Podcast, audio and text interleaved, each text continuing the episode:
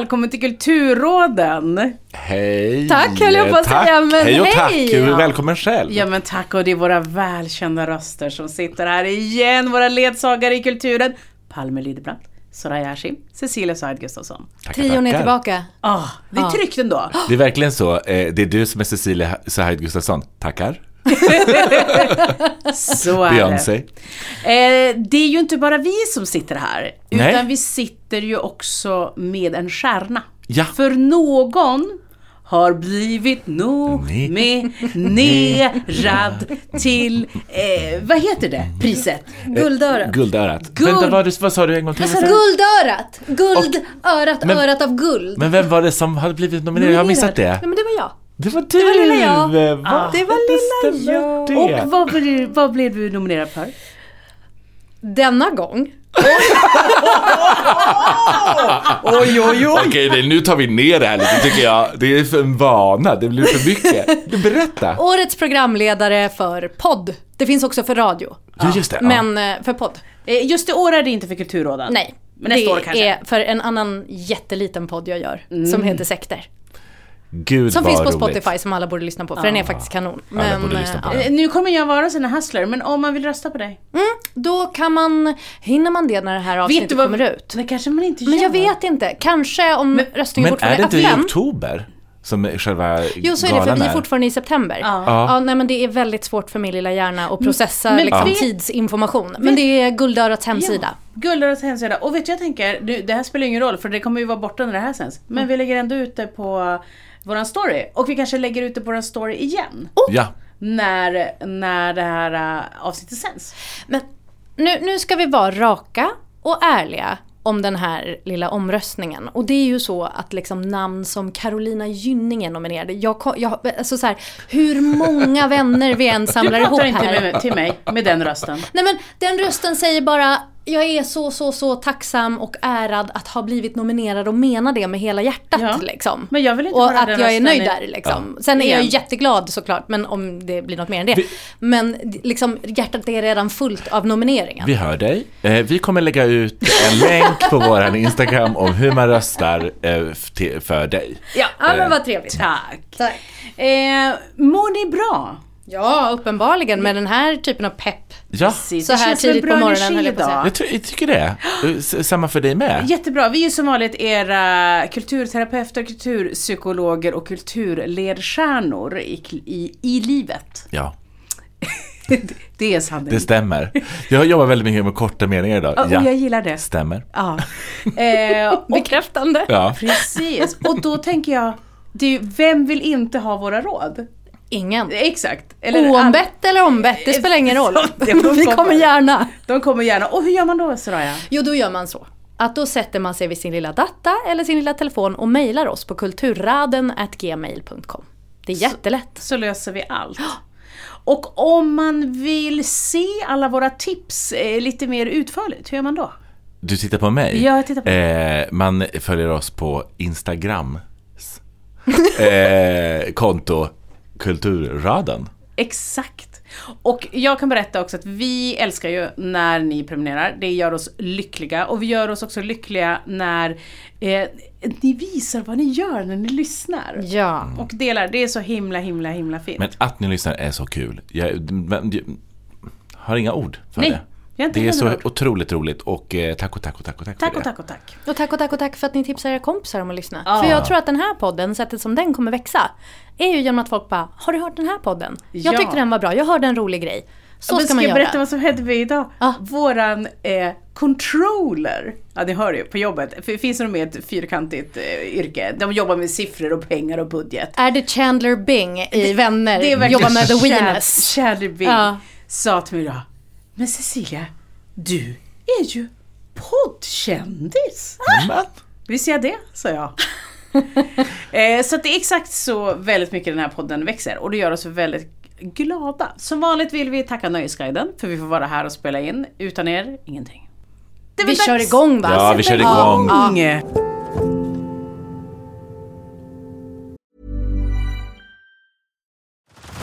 Head over to Hulu this March, where our new shows and movies will keep you streaming all month long. Catch the award winning movie Poor Things, starring Emma Stone, Mark Ruffalo, and Willem Dafoe. Check out the new documentary, Freaknik The Wildest Party Never Told, about the iconic Atlanta Street Party. And don't miss FX's Shogun, a reimagining of the epic tale, starring Anna Sawai. So, what are you waiting for? Go stream something new on Hulu. Hey, I'm Ryan Reynolds. At Mint Mobile, we like to do the opposite of what Big Wireless does. They charge you a lot, we charge you a little. So naturally, when they announced they'd be raising their prices due to inflation, we decided to deflate our prices due to not hating you. That's right. We're cutting the price of Mint Unlimited from $30 a month to just $15 a month. Give it a try at mintmobile.com slash switch. $45 upfront for three months plus taxes and fees. Promo rate for new customers for limited time. Unlimited more than 40 gigabytes per month. Slows. Full terms at mintmobile.com.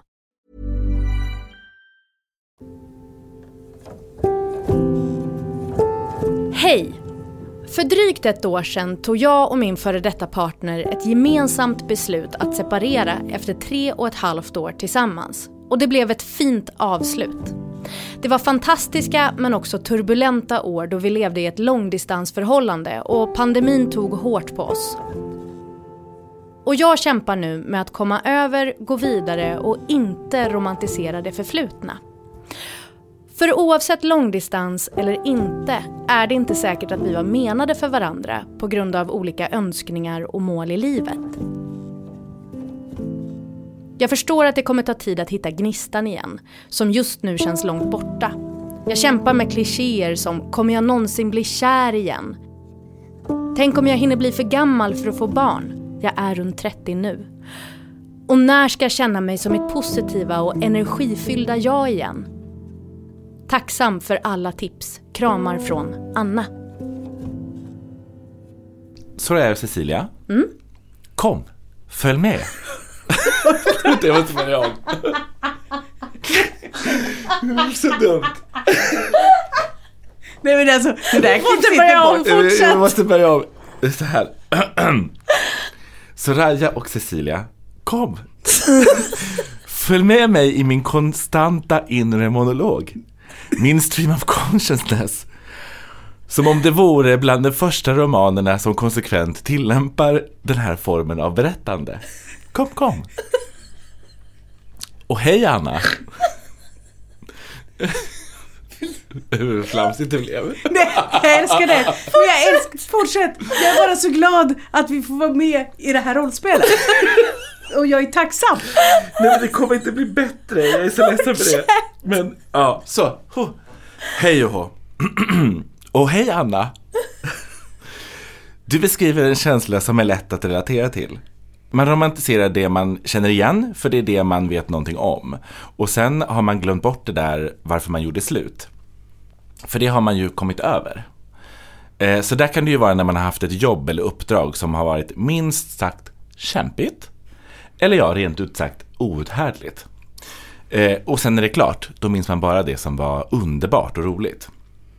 Men visst, vips så faller man dit igen. Sliding doors. Kontrafaktisk historieskrivning. Vad hade hänt om det som hände inte hade hänt? Eller tvärtom. Men jag tycker att det låter som att du har städat i ditt inre och varför du romantiserar det gamla är för att någon annan eller något annat inte har tagit den där platsen än. Du tänker, det var yttre omständigheter som gjorde det svårt för den här relationen. Men vet du, du har redan lämnat. Du är redan klar med den här relationen. Och jag tror att du är väldigt redo för någonting nytt.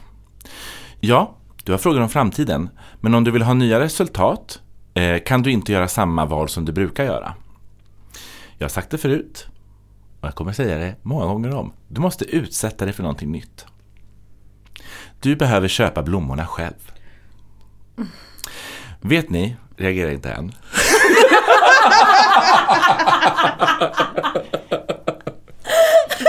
Vet ni förresten, jag har blivit utsatt för kritik. Eh, har, har ni hört det? Nej. Eh, av att jag eh, inte alltid svarar på frågorna som när jag ska prata. Jag ska erkänna att jag också hade väldigt svårt att svara på den här frågan för att jag upplever inte det här som någon fråga riktigt. No offense Anna. Eh, jag försöker ändå göra mitt bästa här nu för att jag är oerhört glad för att du har tagit dig tid att skriva in till oss. Men det är lite klurigt vad jag vill ge dig. Är det vita rosor från Aten? 10 000 röda rosor? Hydrangeas? A- And a bucket of roses? Du frågar dig själv, kommer jag någonsin bli kär igen? Korta svaret, tack och lov och tyvärr. Det är klart att du kommer bli det. Det är ju ingen svår nöt att knäcka. Men ja, det är svårt eftersom kärlek är en hunger, en endless aching need. Men snart är det vår. Positivt. Eh, men vet du vad du ska göra i väntan på att det sker? Ja, jag sa det förut. Du måste köpa blommorna själv. Nu blir det rörigt hörni, eh, som om det inte har varit innan. Men spetsa öronen. Jag kommer nämligen själv att försöka göra en the hours inom citationstecken. Eh, och jag är inte helt övertygad om att det kommer gå bra. The hours, ni känner till. Oj, älskar! Svensk titel Timmarna. Ja. Bok av Michael Cunningham som senare gjordes till film. Jag har inte skrivit upp regissören. Det var inte viktigt. Nicole Kidmans protesnäsa spelade en av huvudrollerna. I alla fall vad som snacket. Ja, det är verkligen efteråt. det enda jag minns av den filmen. Det är också det enda som det snackades om. Ja. Nej, men typ. Eh, handlingen då, eh, timmarna, bok 2000, film 2002, ganska snabbt. Vi får följa tre kvinnor under olika årtionden. Laura Brown, Julianne Moore. Eh, hon är hemmafru eh, år 51, 1951. Clarissa Vaughan, Meryl Streep, bor i dagens New York. Eh, och så författarinnan Virginia Woolf, Nicole Kidman. Deras öden sammankopplas med Woolfs roman Mrs Dalloway. Handling Mrs Dalloway. Bok av Virginia Woolf 1925. Allt i den här boken utspelar sig på en enda dag i juni 1923. Också bara två år efter, innan boken kommer ut. Clarissa Dalloway, som är gift med Richard, ska på den här kvällen, den här dagen då i juni, ha en liten fest för att stödja eh, honom i hans politiska karriär. Allt ska bli perfekt. Men Peter, hennes ungdomskärlek, dyker oväntat upp efter många år utomlands. Peter är han som Clarissa valde bort, alltså för länge sedan, i förmån för att få träffa och gifta sig med Richard. Hänger ni med? Mm. Mm. Eh, I boken, effekterna av första världskriget ligger liksom som en utandning över England. Eh, och det finns en underliggande fråga i romanen som lyder, kan det komma något nytt ur kriget? Eh, eller kommer allt återgå till den gamla koloniala, postkoloniala ordningen som innan? I timmarna så plockar Cunningham isär och rekonstruerar och kontextualiserar Virginia Woolfs mästerverk för att skriva ihop ett eget. Eh, men som också väver in liksom Virginia Woolfs historia i den. När hon skrev eh, den här då. Eh, ja, ni hör, det är mycket olika röror, olika trådar. Så. Om man hade varit en DJ, äsch. Då hade man kanske eh, skulle kallat det här för en otrolig mashup. Eller hur? Ja, ja, ja. Visst. Mashup International. Det var min tips. Aktuell grupp. Den allra första meningen i eh, boken, Mrs Dalloway, eh, och som huvudpersonerna i The Hours upprepar är Mrs Dalloway sa att hon skulle köpa blommorna själv. Och det kan kännas lite banalt att en sån här trivial liten sak som att köpa blommor själv inte har någon som helst betydelse. Speciellt inte för Mrs Dalloway eftersom hon också har ett hembiträde. Men vet ni, det betyder visst någonting. Hon väljer, hon gör. Jag hade väldigt svårt att hitta en ingång till den här frågan som sagt. Men det var något i mig som eh, sa att jag ville liksom prata om den, om den här böckerna. Men jag, försökte, men jag tyckte liksom inte riktigt att det, jag tyckte inte riktigt att det passade in. Eh, jag försökte verkligen göra en The Hours med det som du beskrev. Och kunna in liknelsen med att du var Clarissa, eh, Clarissa Dalloway och Peter var ditt framtida liv. Jag försökte också få in den krigsdrabbade Septimus Smith som på något sätt är en spegelbild utav Clarissa. Eh, men som senare också tar livet av sig. Eh, och liksom som ett slags stressat försök att likna vid er relation som ni gemensamt har lämnat. Men usch, det blev gymnasialt. Osmakligt. Det blev också jävligt dåligt.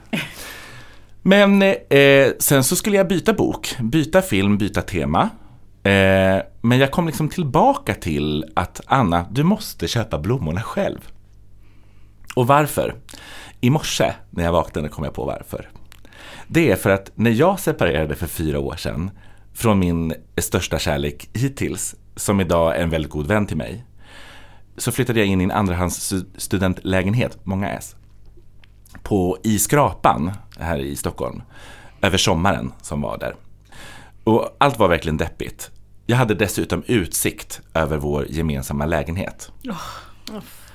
Allt var deppigt. Men när jag handlade mat på ICA på Folkungagatan så handlade jag väldigt ofta sådana 10-pack tulpaner. Eh, något i den där tillvaron, i det där våning 9 rummet som jag bodde i, skulle i alla fall vara något som levde. Och egentligen Anna så beskriver du någonting väldigt fint. Eh, och istället för att romantisera så kanske du ska byta ut ordet och säga att du minns och känner tacksamhet över det som ni hade. Tacksamhet över den tiden som ni faktiskt fick tillsammans. Läs Mrs Dalloway och The Hours ändå. Titta på filmen. För språket, historien, kärleken som kommer och, eller går, plikten, drömmarna, livet för den som rest, livet för den som inte rest och livet för det som inte kan resa sig igen. Anna, lilla frö. Love is a flower and you its only seed. Jag önskar dig all lycka till. Fyll ditt liv med erfarenheter och lust. Det ska vara din sol. Om det är så en drej- drejningskurs eller att du börjar sjunga i en kör, träffa någon ny, att starta en relation med. Vad vet man? Och till sist, just remember, in the winter, far beneath the winter snow, lies the sea that with the sun's love in the spring becomes the rose.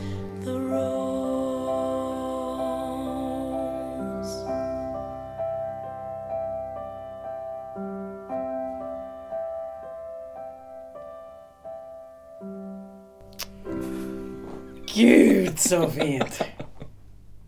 Alltså jag älskar The Hours. Den är otrolig. Jag älskar verkligen The Hours. Berätta varför. Nej men jag tror att eh, det var väldigt kul för att den fanns inte länge på Netflix. Alltså den är jättesvår att få tag i. Till slut så, liksom så här, gick jag in på eh, liksom så här SFN och så här, köpte den, inte ens hyrde den. Jag köpte den för att säga, ja det är en film jag älskar att se om. Jag älskar eh, Nicole, alltså hon spelar ju Virginia Woolf och hennes mans relation i den filmen. Han, hon mår ju fruktansvärt, hon vill ju bara dö. Ja. Och han gör allt för att hon inte ska dö. Och det är liksom så hjärtskärande. Och liksom, eh, vad heter hon? eh, eh, Julianne Moore. Julianne Moores karaktär liksom, som är liksom i det här 50-talsfängelset. Eh, eh, som liksom kväver henne. Ja. Och sen har vi liksom Meryl Streep som är denna liksom ljuvliga, ljuvliga New York-bo som man alltid vill vara. Och tillsammans med Alison Jan som är bara åh, Ja, ja, ja. underbar. Nej men det är sådana liksom otroliga karaktärer så att jag, eh, jag är så glad och lite avundsjuk att du har nu pratat om The Hours och jag inte kommer få möjligheten att prata om The Hours. Men är du inte mest avundsjuk på mig som inte minns någonting av den och nu känner att jag måste se om den? Jo, det är jag faktiskt. Men jag kan verkligen rekommendera att först läsa Mrs Dalloway. För det är liksom, det är först en liten present att eh, när man ser om The Hours. För att den ger så mycket mer. Det är som att, eh, ja, men, nu är vi i det här multiverset igen. Alltså den ger, den ger pusselbitar till va, eh, vad det är som The Hours refererar till hela tiden. Och den är otroligt eh, välskriven och fin.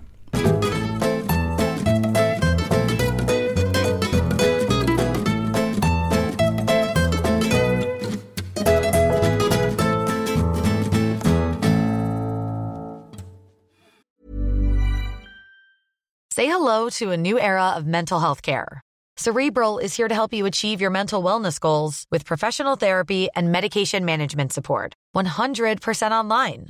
You'll experience the all new Cerebral Way, an innovative approach to mental wellness designed around you. You'll get a personalized treatment plan from a therapist, prescriber, or both in a safe and judgment free space. Your cerebral therapist or prescriber will outline a customized plan with clear milestones along the way so you can get to feeling your best. With Cerebral, you're not alone in your mental health journey. We're here to empower you to live a fulfilling life.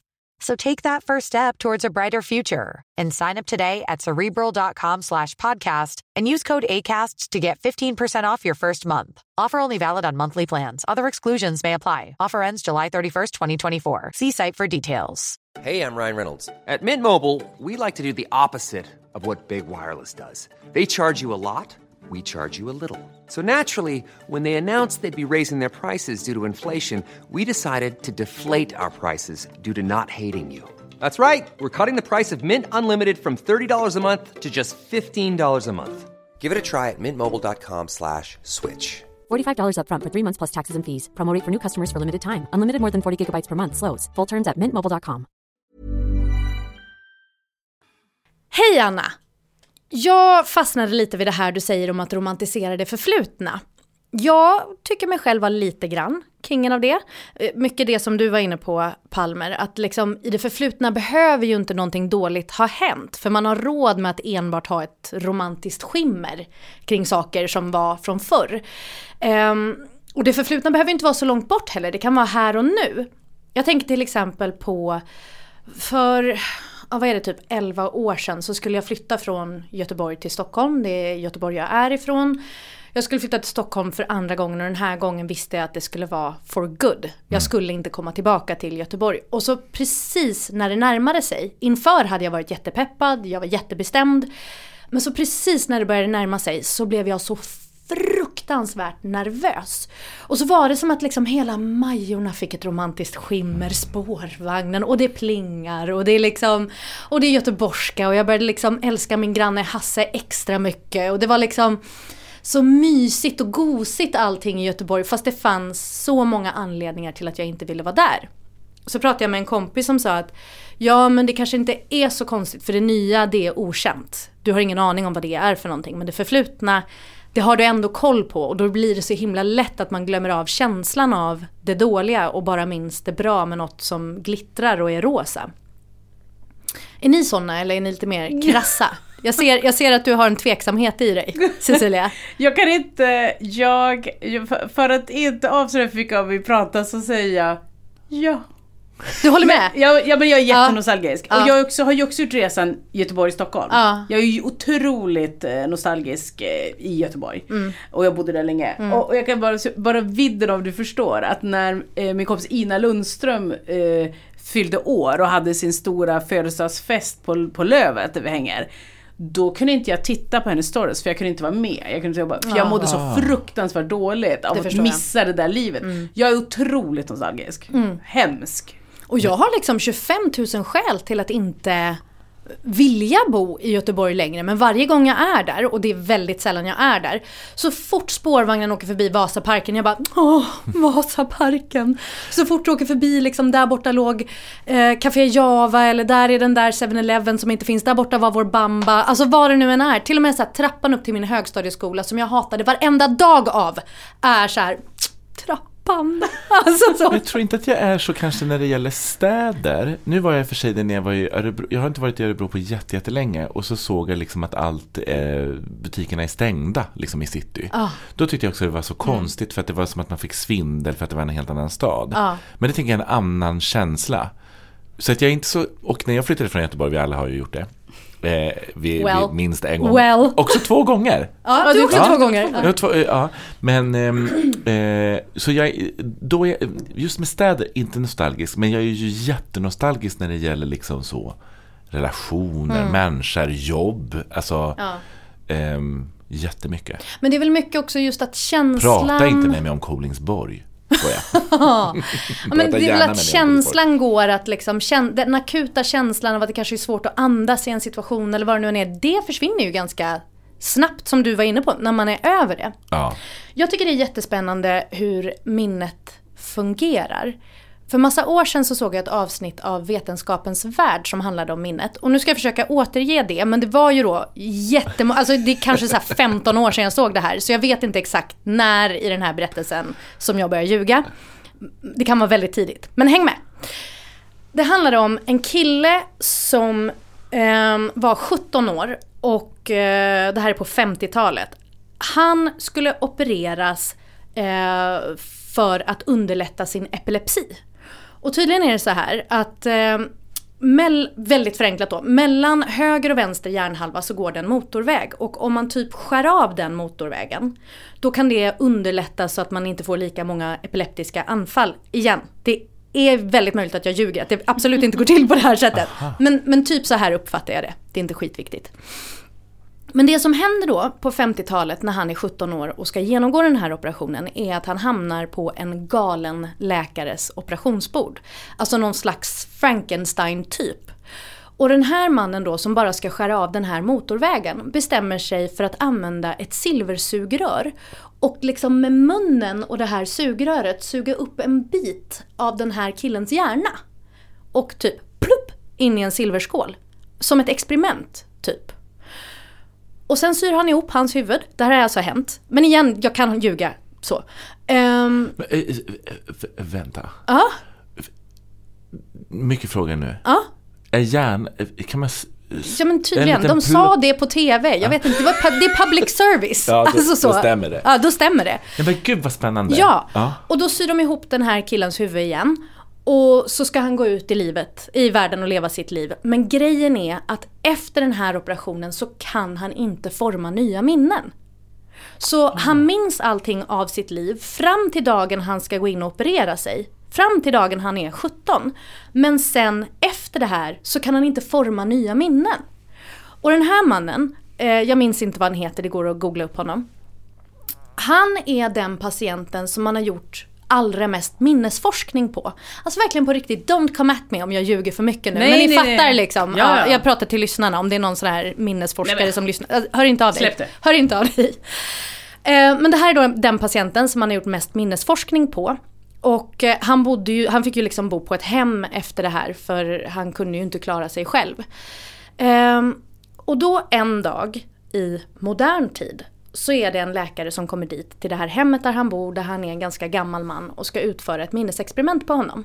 Och det här experimentet går ut på att läkaren kommer in, säger så här Hallå hallå, jag heter Dr. Hashim, vi ska göra ett experiment.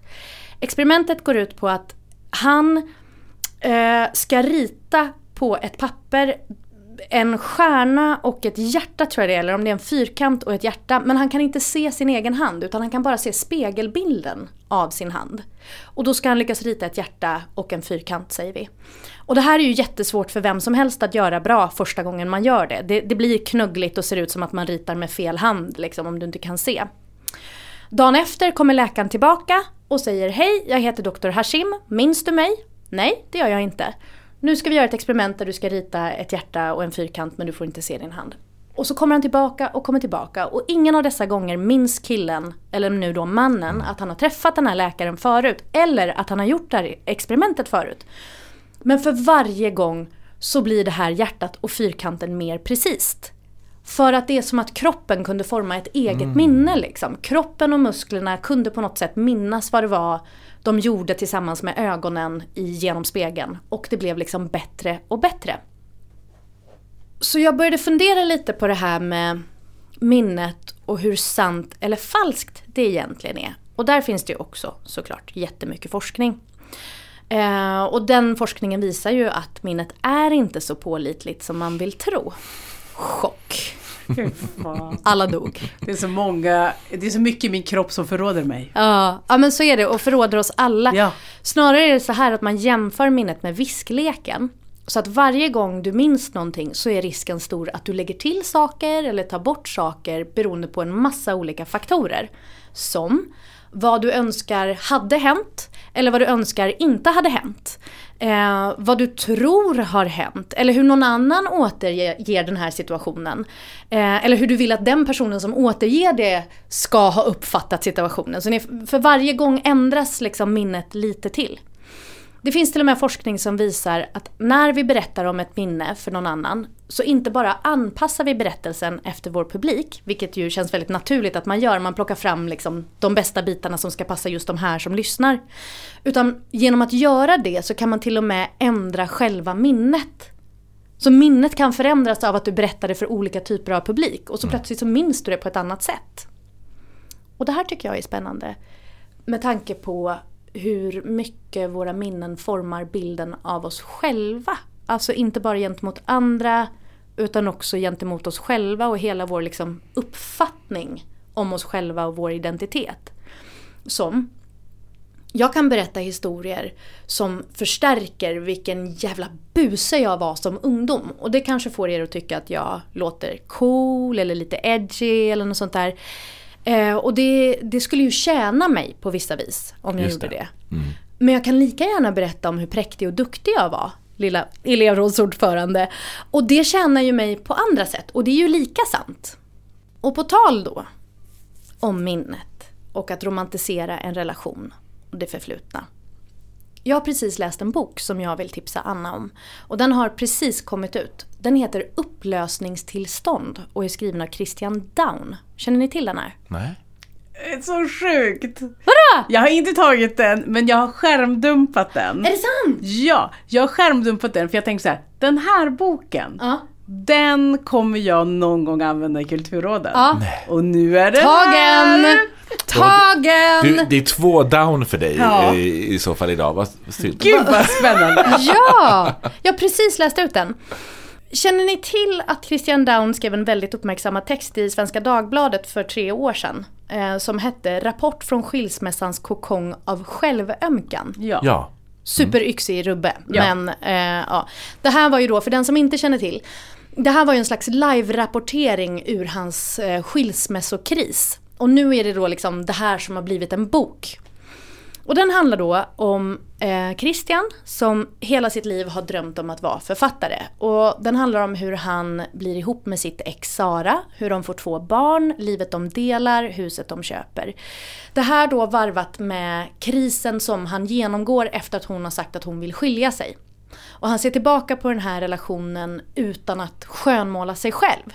Eller det vet ju inte jag, för här kommer ju det här med minnet in igen. Att jag upplever det inte som att han skönmålar sig själv utan snarare visar sina sämre sidor ganska öppet. Ibland blir jag förbannad på honom. Han har till exempel en, eh, en friggebod. Eh, det verkar som att han inte var skitsugen på att de skulle köpa radhus men om han fick den här friggeboden där han kunde sitta och skriva då går han med på det. Och så fick han friggeboden och han smiter dit hela tiden istället för att delta eller istället för att konfrontera jobbiga saker. Och till och med när han är med sina barn så liksom vill han egentligen bara till den där friggeboden. Det är en plats att smita till och, och sitta och skriva och man förstår ju det för det är inte skitkul alltid varenda sekund att till exempel vara föräldraledig. Det är en naturlig känsla men, men det blir som att den här friggeboden blir en sån himla snuttefilt och att ibland vill man bara ruska om honom. Um, bokmässan är ju snart. Och då ska jag ha ett samtal ehm, med honom bland annat om att vara man. Tillsammans med Gunnar Adelius också. Och jag märker det nu när jag har suttit och läst den här boken inför bokmässan att jag har verkligen suttit och så klottrat, skrivit hårt i sidorna på boken i marginalerna så här.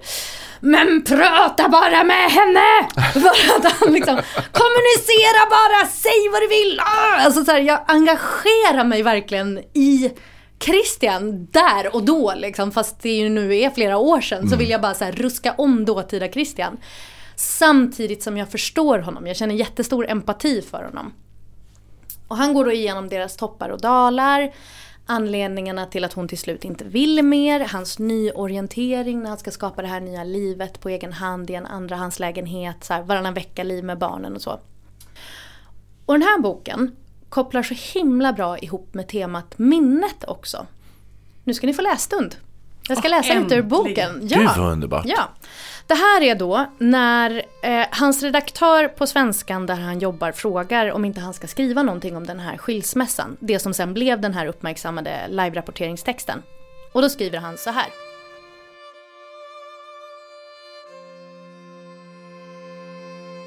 Ja, vi ska givetvis vänta tills allt har lugnat ner sig, försäkrade redaktören på Svenska Dagbladet. Denna omsorg, för det var genuin omsorg, väckte något i mig. Skulle jag skriva en sån text skulle jag inte vänta. Jag skulle tvärtom vara mitt uppe i. Och det skulle vara hela poängen. Separation har många skrivit efterklokt om, men skilsmässans live-rapporter var få. Jag skulle skriva nu, nu, nu. Längre fram när jag mår bra igen, finns det risk för att jag kommer se tillbaka på min smärta som en nyttig erfarenhet. Kanske kommer jag säga, jag skulle inte vilja vara utan erfarenheten. Kanske kommer jag till och med tala om en sjuhelvetes resa. Nita den människan om ni träffar honom. Lyssna nu istället. För mina senare inkarnationer kommer vara efterkloka lögnare.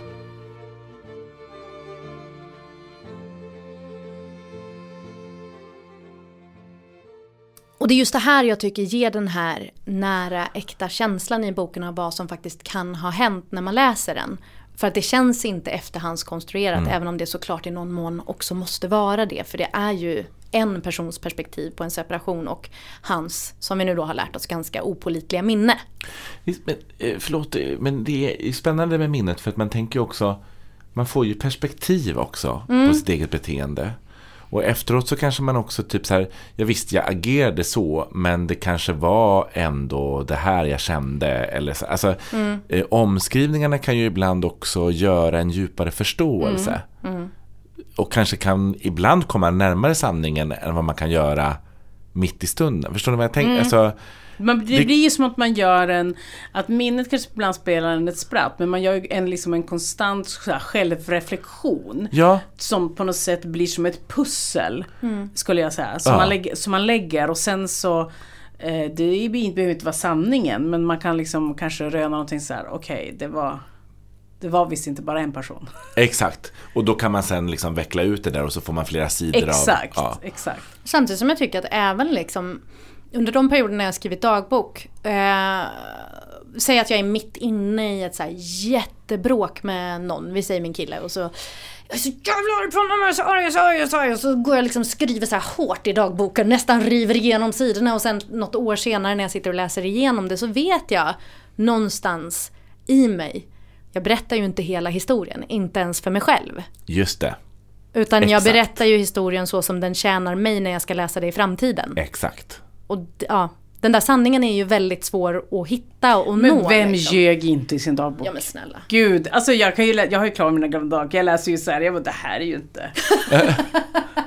det här är det här är ju, jag hittar ju bara på. Mytomanen Suhaid. Durang.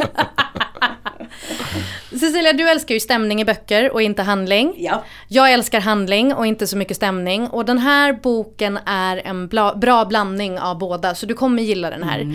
Den har mycket stämning, men det händer grejer, den går framåt. Det är inte bara ett evigt ältande som det lätt hade kunnat bli. Och det märks att de där timmarna i hans friggebod, har, och där han liksom har suttit och tält på sin penna, har gett resultat. Det är en jättevass penna, man bara åker fram genom texten. Och man behöver inte överhuvudtaget liksom kämpa för det utan det är bara, man bara kör igenom. Anna, jag skulle jättegärna vilja att du läste den här boken och reflekterade lite över hur det egentligen var för ett år sedan när ni gjorde slut. Och hur det var på riktigt under, ja, kanske det sista året ni hade ihop. Det som var anledningarna till att ni valde att gå isär. Inte bara intellektuellt utan just försöka hitta tillbaka till den här känslan av hur du mådde då. För det är just den där jobbiga känslan som, som slipas bort ibland när man tittar tillbaka på det här rosa skimrande, sentimentala som gärna tar över minnet. Och jag tror att den här boken kan hjälpa dig friska upp det minnet lite grann. Och som jag sa, det kanske inte är hela sanningen du får fram när du börjar minnas tillbaka på det här sättet. Men det kanske är de delarna av minnet som du behöver ta fram för att sen kunna gå vidare och köpa dina egna blommor. Lycka till!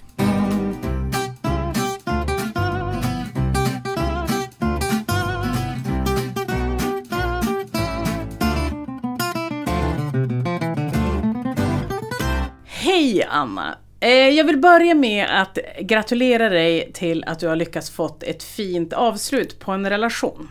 Det har jag själv lyckats med och är det något jag kan säga om det så kommer det hjälpa dig att gå vidare. Men det kommer också få dig att romantisera relationen.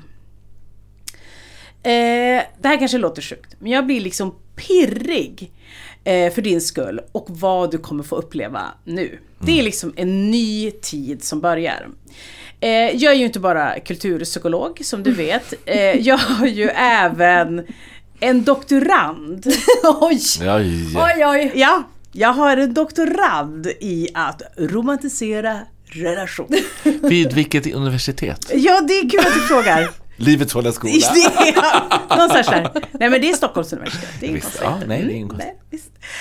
Eh, jag kan ju liksom verkligen drömma mig bort om eh, hur härligt vi hade det och eh, när han sen eh, lämnar mig så tänker jag ja, då blev man av där med sin livskärlek och nu är all kärlek borta.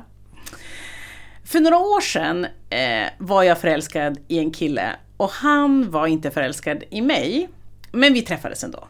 Jag var övertygad om att om jag bara höll ut så skulle han bli förälskad i mig. Jag visste att om jag bara kunde visa hur otrolig jag var så skulle det där eh, vända.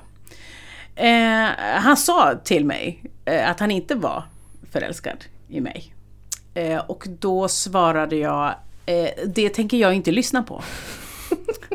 För att jag vet att du kommer ändra dig. Eh, vad jag samtidigt inte visste var ju att han var på Tinder. Och det var ju trist. eh, eftersom han inte ändrade sig.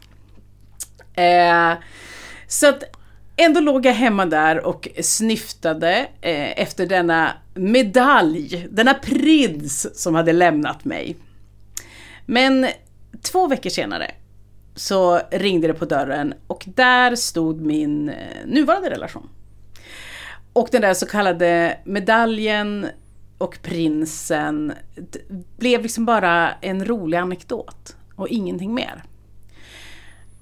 Men För, för, eh, för att han eh, sålde jultidningar eller bara dök upp? han bara dök upp. Ja, underbart. Lite skoj. Har aldrig hänt mig. Pling plong. Nej men han eh, ringde på dörren och han var där. Och det var så fint. Bara ha roligt är skriven av Maria Mosbach. Eh, den handlar om Lydia eh, som inte haft någon riktig relation och börjat träffa Johannes. Har någon av er läst Nej. Bara ha roligt? Nej, nej. Nej. Jag är ledsen att ni inte har gjort det men jag är också glad. Därför att den rör upp känslor. Åh. Åh. Det är nämligen så att Lydia liksom hittar inte passionen i Johannes. Eh, utan hon är egentligen ganska krass från början. Eh, men någonstans där så finns ändå en förhoppning att de ska bli ett par. För de är ju ändå rätt kompatibla, tycker Lydia. Eller? För, för det Lydia liksom eh, på något sätt, eh, vad ska jag säga, snöar in på att de gillar ju lite så här typ samma inredning eller de gillar liksom att dricka öl. Ni vet när man liksom grabbar efter Det halmstrå. borde ytliga. kännas. Det borde kännas. Ja, för vi Det har så mycket gemensamt. Vi har så mycket gemensamt. Usch vad hemskt det är. Ja men jag vet! Det är jag, så hemskt. Mm. Det är så hemskt. Och jag älskar liksom det sättet Maria Morsas Månsbach beskriver eh, också sex i den här boken. Eh, och hur hon beskriver den här hopplösa jävla Johannes som jag hatar. Eh, för det är liksom inte harlekin sex hon beskriver utan det är liksom vanlig liksom tisdagskvällsknull. Eh, liksom nästan så här diskbänksrealismknull. Och sen har vi hennes väninnor som är ömsom ifrågasätter eh, och ömsom hejar på i den här relationen. Jag blir liksom vansinnig i hur Lydia hela tiden anpassar sig efter Johannes. För att om hon anpassar sig kommer han bli kär i henne.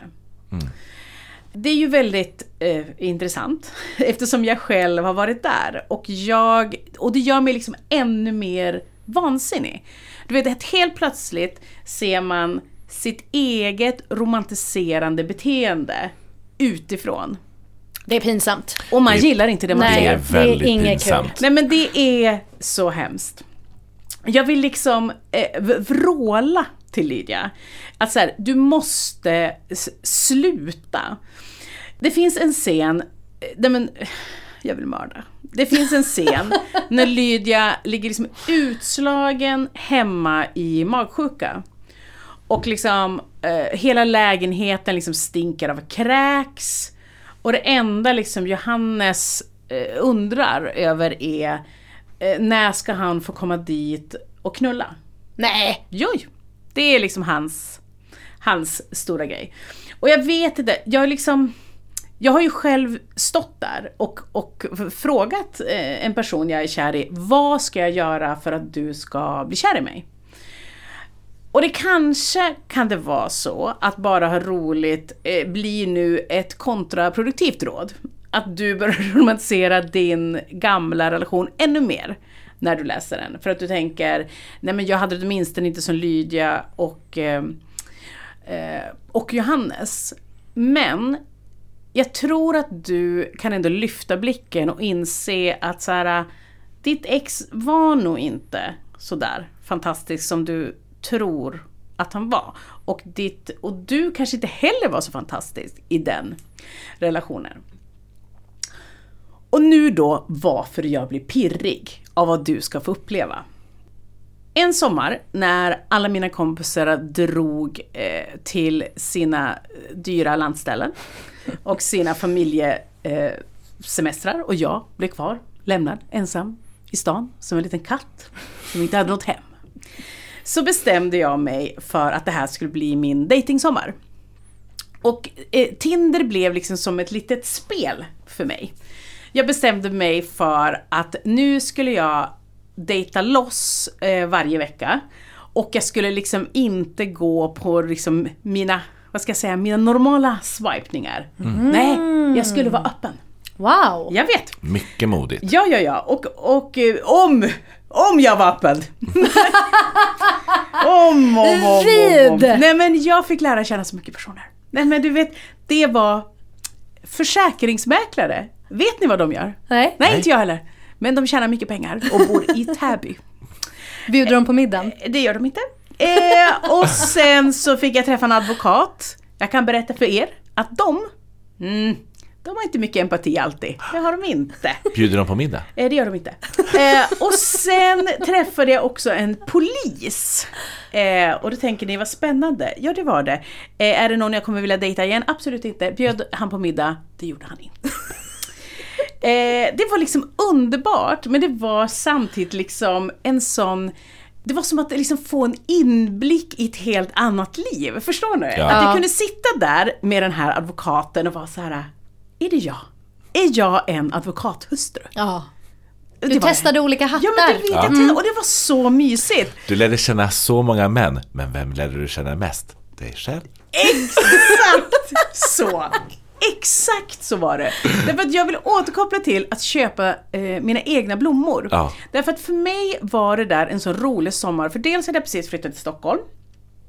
Jag hade liksom så här skapat mig mitt eget hem. Och det var liksom, det fanns ingenting som höll mig tillbaka. Och, och jag kan ofta höra med, när jag pratar med kompisar om deras så fruktansvärda datinghistorier och och liksom varför hittar jag aldrig någon? Och du vet det där tunga. Men jag tror att för mig var det också så här, det var inte den ingången jag hade. Utan jag skulle bara ha en, en rolig sommar med nya personer. Och när jag liksom eh, separerade eh, från min förra relation, då minns jag att en kompis till mig frågade så här, men vad längtar du efter? Och jag bara, jag längtar att ha liksom mitt eget lilla. Där jag liksom kan köpa mitt porslin som jag vill ha, mina blommor där jag och min hund bor och mår toppen. Att det är det där lilla man liksom längtar efter. Borgen på något sätt. Eget litet rum. Ett eget utsikt. litet rum med utsikt, som Virginia Woolf skulle ha sagt. Men nu, eh, Anna, så går vi ju från sommaren. Du kanske inte har haft din datingsommar, men du kommer få. Därför att, eh, är det något jag vet, eh, hittar man kärleken gör. Nej men snälla rara, du kommer hitta den så många gånger. eh, och, och, och det enda tricket där är ju att liksom kliva upp på hästen igen. Nu går vi in i hösten. Eh, om man lyssnar i realtid. Eh, och vi liksom har haft en ljuvlig brittsommar, men nu kommer den. Den krispiga luften. Ni känner det va? Tjejernas nyår, som vi kallar det. Och då är det dags att byta stilarna. Det är nu du ska kavla ut. Vem kommer du vara? Nej, du ska inte längre vara du vet, den här lydiga, den som anpassar sig, den som liksom, vem är jag i dejtingen? Nej, nej, nej, du ska vara helt självständig med en ny stil. Är det makeover-dags? Det är makeover-dags. Du ska köpa en basker. Oh my god! Och då tänker du, varför säger du bas- basker? Därför att jag säger att du ska se den sexigaste filmen från 90-talet, Svart Lucia. Oj, gud! Känner du? Sluta genast! Känner du? Det är så underbara små glasögon också. Ah. Nej men, Jösses! yes, jag får rysningar nu när jag pratar om det. Åh, Nej, vi får ta, en- vi får ta liksom. kan vi in med låt? Och då tänker du, vadå svart lucia? Är det jul? Är det... Nej, nej, nej. Alltså svart Är det mord på gång? Ja, det är, mo- det är allt på gång. Allt är på gång. Svart lucia är eh, en film av, kommer inte ihåg. Jag bryr mig inte om som har regisserat den. Eh, men framför allt är det ett manus eh, skriven av Karina Rydberg. Är det sant? Ja! Varför? Det visste inte jag. Jättetidigt underbart. manus. Älskar denna eh, galna kvinna. Underbar. Eh, och eh, den kom på 90-talet och den har den perfekta 90-talsestetiken. Och vi är ju där nu. Du vet, jag såg om den här filmen och eh, det är huvudrollen Tova Magnusson. Åh herregud. Underbar. Underbar. Eh, och spelar då med sin dåvarande make Figge Norling. Ja. Och B. Kjellman. ja, Björn. En ung och så sexig homosexuell Björn Kjellman. Nej men alltså, Inte den enda gången han har spelat homosexuell. Det är det inte. Nej. Och eh, det eh, kan vi diskutera en annan gång. Nej, det, det, jag har ingen åsikt om det i, Jag i det är här så fallet. tyst nu för att jag sitter och googlar för jag har inte sett den här åh filmen. herregud! Och du har Men så jag ser Reine. Brynolfsson, jag ser Niklas Hjulström Q. It may sound strange, but I'm warning you. I may not be that nice. Maybe, baby, I'm a heartbreaker, heartbreaker, heart of ice. Du är burning. Alltså, Du Jag är burning Ja, för Niklas och absolut. du kommer också se en ung, ung Malin Berghagen. Ja. Ja. Har hon andarna med sig redan då? Ja men, nej men alltså.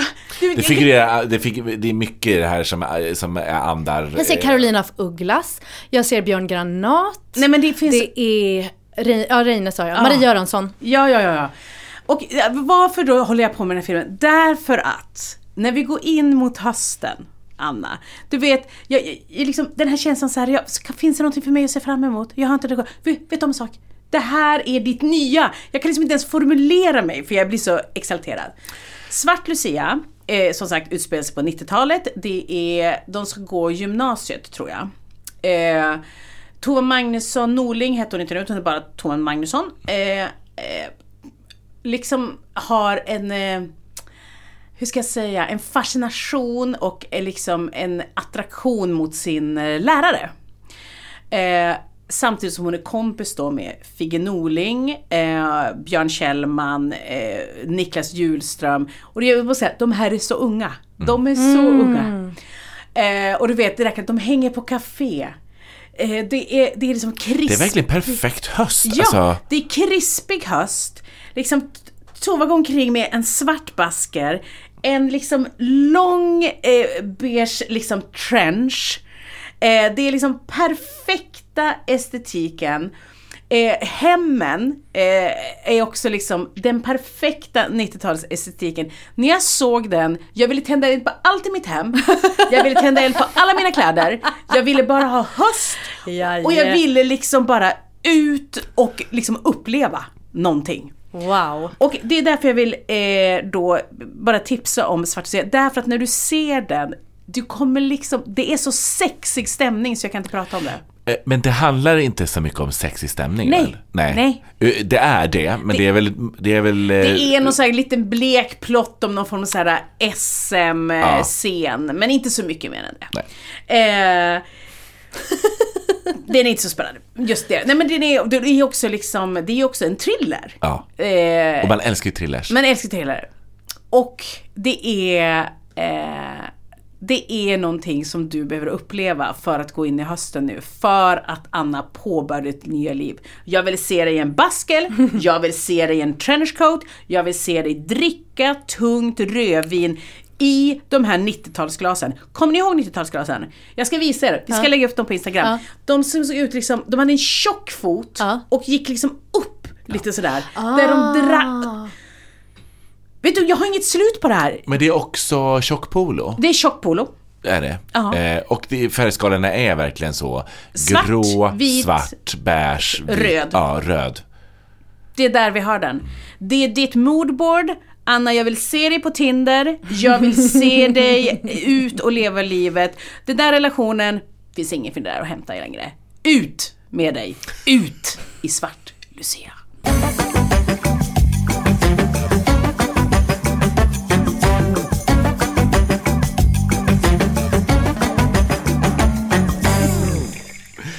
Men den är så Underbart. sexig. Den är sexy.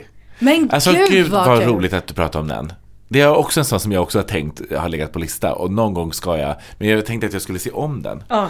Vart finns den? Det ska vi se.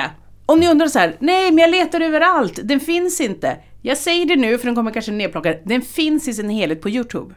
Ah, Yes. spring! Spring innan den eh, försvinner. Den finns i två delar, hela filmen. Och den är chefskiss, för den är så fin. Nej men det är, jag kommer lägga upp estetiken, jag kommer lägga upp moodboardet och jag kommer lägga upp vinglasen. Och jag vill se dig där. Och Nu blir det hem och kika på film hela kvällen Och läsa böcker. och läsa böcker. Hörni, tack så jättemycket för idag. Tack så hemskt mycket för att ni skriver in frågor till oss, för att ni delar om oss i sociala medier och, och hänger med på den här resan. Maila oss på kulturraden.gmail.com om ni har några frågor. Och följ oss på Instagram där vi ju heter Kulturråden. Låt på nu.